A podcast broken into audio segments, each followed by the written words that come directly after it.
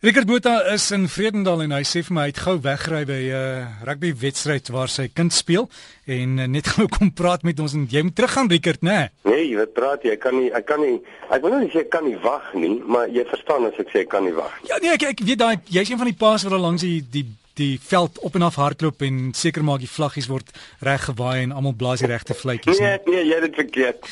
Nee, jy het dit heeltemal verkeerd. Ek kyk glad nie die game nie. Ek kyk net my kind.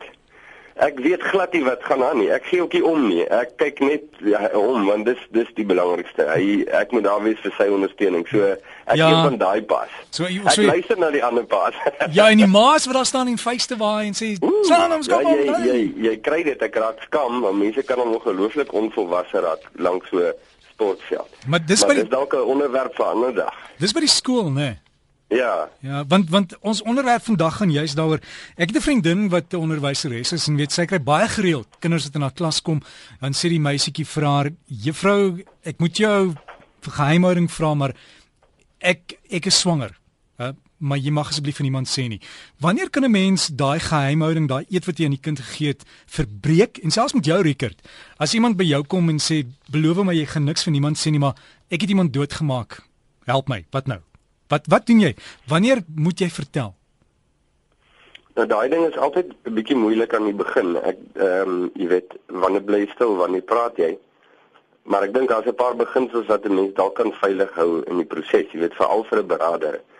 En dit is dat jy ehm um, wel praat nou maar eintlik maar uit my hoek uit, né? Nee, kom ons praat maar van myself. So ek is nie gebind deur enige geheimhoudings klousule nie. Daarom kan ek nie aan iemand iets beloof nie wat ehm um, wat ek weet ek nie gaan hou nie of nie sal hou nie.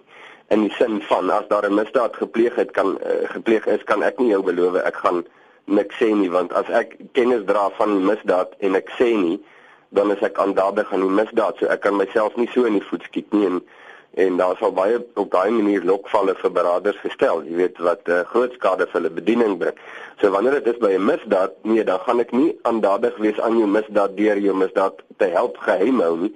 Ek gaan jou verseker help om op die regte pad te kom. Ek dink nou aan mense het al vir my gesê hulle het mense doodgemaak. Ehm uh, mense het al gesê hulle het wapens gesmokkel byvoorbeeld. Dan moet so 'n persoon 'n pad te stap waar jy hom Ehm um, natuurlik in eerste plek moet jy hom by Jesus uitbring. Dis dis die belangrikste ding, hè. Dis hoekom hy daar's. Baie ouens kom vra raad omdat hulle van hulle moeilikhede probeer weghardloop. Hulle wil nie regtig by God wees nie. Hulle wil net die gevolge van hulle dade wil hulle probeer afwend, jy weet. Ons het al oor daaroor gesels op hierdie program. So jy sien gereeld mense met Bybels in die howe nie omdat hulle noodwendig by God wil wees nie, hulle probeer die mense versag, nee, hulle probeer hulle die gevolge uh, uh, afwend.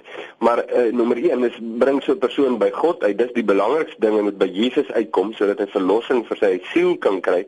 En die tweede ding is jy het nodig om hom uh, te lei en te begelei in uh, hoe om die gevolge van sy dade te dra wat die liefdevolle en die wyse en die regte ding is om te doen. So dit het al gebeur dat ek saam met mense na die polisie toe is en hulle verklaringe gaan aflê vir dit wat hulle geheim gehou het oor jare. En dan is daar verskillende reaksies nê in dit. Jy weet uh van hierdie ouens het die saak is op die eis en dit is ondersoek maar dit is nou al jare so ander ouens se sake het voorgekom en daar was hofsaake maar die interessante ding is hierdie persone omdat hulle eers by Jesus uitgekom het beleef hulle 'n ontsaglike verligting in hulle harte want hulle hou hierdie duisternis en hierdie wandade en misdade teen medemense hou hulle geheim omdat hulle bang is vir die gevolge En en nou kom hulle lig toe daarmee en die Here bevry hulle en dit is 'n geweldige groot wonderlike ding. Maar dan moet ek net gou vir nog een ding by sê. Dan is daar ander goedjies wat mense jou vertel. Soos kom ons sê 'n dogter kom sê vir jou sy is swanger. Nou ja, dan onthou nou daar's wette in die land, né? Nee, daar's daar's allerlei dinge en jy moet ingelig wees rakende die wette en die moets en die moenies rakende hierdie goed. Maar hier's 'n beginsel wat ek net wil bekend maak en dit is uh, wanneer mense jou goed kom vertel, dan sê nie dis nou misdade nie, dis nou persoonlike goed van hulle lewens. Dan is die beginsel uh oor vertel, is die beginsel is dit wys en is dit liefdevol. So uh die juffrou hoor nou die dogter is swanger, nê. Nee, nou die vraag wat sy haarself moet vra, is dit wys en is dit liefdevol as sy die ouers vertel? Sien, nou gewoonlik is die antwoord nee dit sal nie wys en dit sal nie liefdevol wees as sy die ouers vertel nie. Daar is situasies waar die antwoord wel ja is.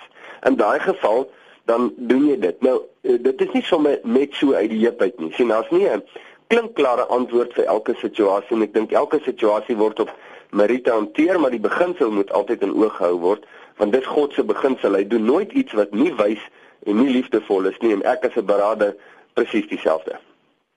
Richard, maar dis my so alles of jy weet die die kerke die preek, maar die goed gebeur net meer en meer. Daar's al hoe meer jonger kinders wat swanger raak en dis asof die die boodskap en en die werklikheid nie by mekaar uitkom nie. Of is ek verkeerd? Nee, ek dink jy, eh, jy sien die die kerk het 'n boodskap, maar hy's nie die enigste een met 'n boodskap nie. Die wêreld het ook 'n baie baie sterk boodskap en die wêreld het 'n klomp dinge tot sy beskikking. Jy weet onder andere ook die media om sy boodskap bekend te maak. En die boodskap wat die wêreld bekend maak wat baie sterk is met al die bygeleide en agtergrondmusiek is, daar is nie reëls nie. Jy kan doen net wat jy wil, wanneer jy wil, soos jy wil en as jy so voel. So as dit goed voel, doen dit. So dis die dis die boodskap wat die wêreld preek met geweldige groot oorgawe en gesag en ywer en baie geld wat agter dit sit. So ons kindertjies, jy weet, uh, is uh, nou praat ek amper Weskus taal met die krewe, dis sagte dop kreefies. Jy weet hier hier hulle is hulle weet niks nie, um, maar hulle wil so graag in die lewe wees. Hulle wil so graag erken wees en liefgehad wees. Hulle wil so graag doen die regte ding om te doen. Bedoelende die inding. Jy weet dit wat almal sal sê, ja, jy's jy's cool ou. Jy weet, wow, dit was nou netjies. So nou luister hulle. Hulle luister na die boodskap van die wêreld en hulle luister na die boodskap van die kerk en hulle sien wie volg die wat wie volg watter boodskap die meeste. Nou sien hulle hierdie massa mense. Wel dit lyk so dis ook maar 'n bietjie smoke and mirrors, nê? Maar hierdie massa mense wat agter hierdie boodskap aangaan van geen grense, doen wat jy wil, niks is uh, absoluut nie. Jy weet, uh, daar is nie 'n God nie. Die woord is nie regtig die woord nie en al hierdie tipe goed. So en hulle sien maar almal volg dit. So uh, soveel biljoen mense kan nie verkeerd wees nie, redeneer hulle en ons het sulke advertensies. En nou gaan hulle agter dit. Nou terwyl hulle agter dit aangaan, word hulle lewens in die proses verwoes want daar is nie so ding soos geen grense nie. Enige regdenkende mens weet, dis nie waar nie. Die oomblik as 'n rivier oor sy grense vloei, is daar verwoesting. Vra vir die vredendalers hier langs die olifantsrivier, hulle sal dit vertel. So nou raak ons kinders onsaglik verwoes. Hulle lewens, jy weet, hulle raak blootgestel aan goed wat hulle nooit moes blootgestel wees nie. Baie van daai kinders herstel nooit van daai skade nie. Jy weet nou, so hier is die kerk se boodskap bly nog steeds dieselfde. Weet om te sê maar daar is grense. Skaar jou by God. Hy is liefdevol. Sy grense is liefdevol en wys. Hy wil jou nie plat druk nie, jy weet, hy wil jou nie om die bos lei of hy wil jou nie ontneem van die lewe nie. Hy wil jy sê jy moet die lewe geniet. Nou, mense luister weinig eers na daai boodskap. Hulle luister eers na die eerste een, dan kry hulle onsaglik seer en dan hardloop hulle na die tweede boodskap. So dis hoekom ek kry baie min moet geneesde heel mense te doen. Die mense wat na my toe kom is die mense wat eers die eerste boodskap gevolg het, op pimpel en pers geslaan is deur hierdie lewe en al die slaggate en die vieslike goed en agterkom hulle hulle verloor hulle lewens en hulle verhoudings en die mense wat lief en dierbaar in hulle lewe is en nou skielik soek hulle restaurasie en berading. Nou die wonderlike ding is God gee dit, maar dit is nie nodig om eers daai pad te stap nie. Rigert in 'n geval nou van sinema 'n juffrou en die, die kind het kom sê juffrou ek is swanger. As daai kind nou gebore word, uh, dan moet mens net seker maak die kind word ondersteun. Dis nou beide die die die ma en die en die baba. En ook uh, baie keer weet daar's oumas wat dan hierdie kind sal skaak en sê, "Maar dis nou in sonde gebore, so ek gaan nou die kind vat en groot maak." En dis my baie keer ook 'n bietjie van 'n probleem, nee, want die ma het dan nie haar pligte nie. Ja, kyk, ons het um, hier in ons eie omgewing het ons ook ons ons sarsie daarvan nê. Ehm um, die mense wat dink die platteland is is beskerm en so aan is nie waar nie. Sonde is oral, so ons kry dit ook in baie hartseer verhale.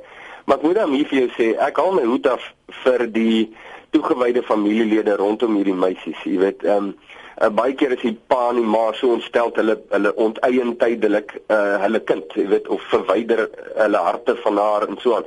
En dan's daar 'n ouma jy weet wat niemand regtig ag op gee nie. Sy het nie 'n hoë profiel nie, maar die ouma ontferm haar nou oor die kind of 'n jy weet 'n tannie of of selfs die, die ouers. En sulke mense is helde en ek so 'n meisie moet jy pad mee stap. Maak nie saak dat sy fout gemaak het. Dis 'n ernstige fout.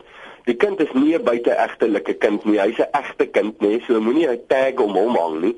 Maar stap die pad met haar want dis wat God doen. Maar moenie moenie uit goeie intensies mense se lewens kaap nie. Want wat jy dan doen, jou intensie is gaaf, jy wil hom help, maar wat jy doen aan die einde van dit, omdat jy sy lewe kaap, verwoes jy eintlik sy lewe. Jy neem die besluitnemingsproses uit sy hande uit en die voorreg wat hy het om die gevolge te dra van sy keuses. En dis 'n baie baie negatiewe ding. So laat mense toe om die keuses te maak, selfs al is dit verkeerd. Maar wees bereid om met hulle te stap end uit, want dis presies wat God met my doen.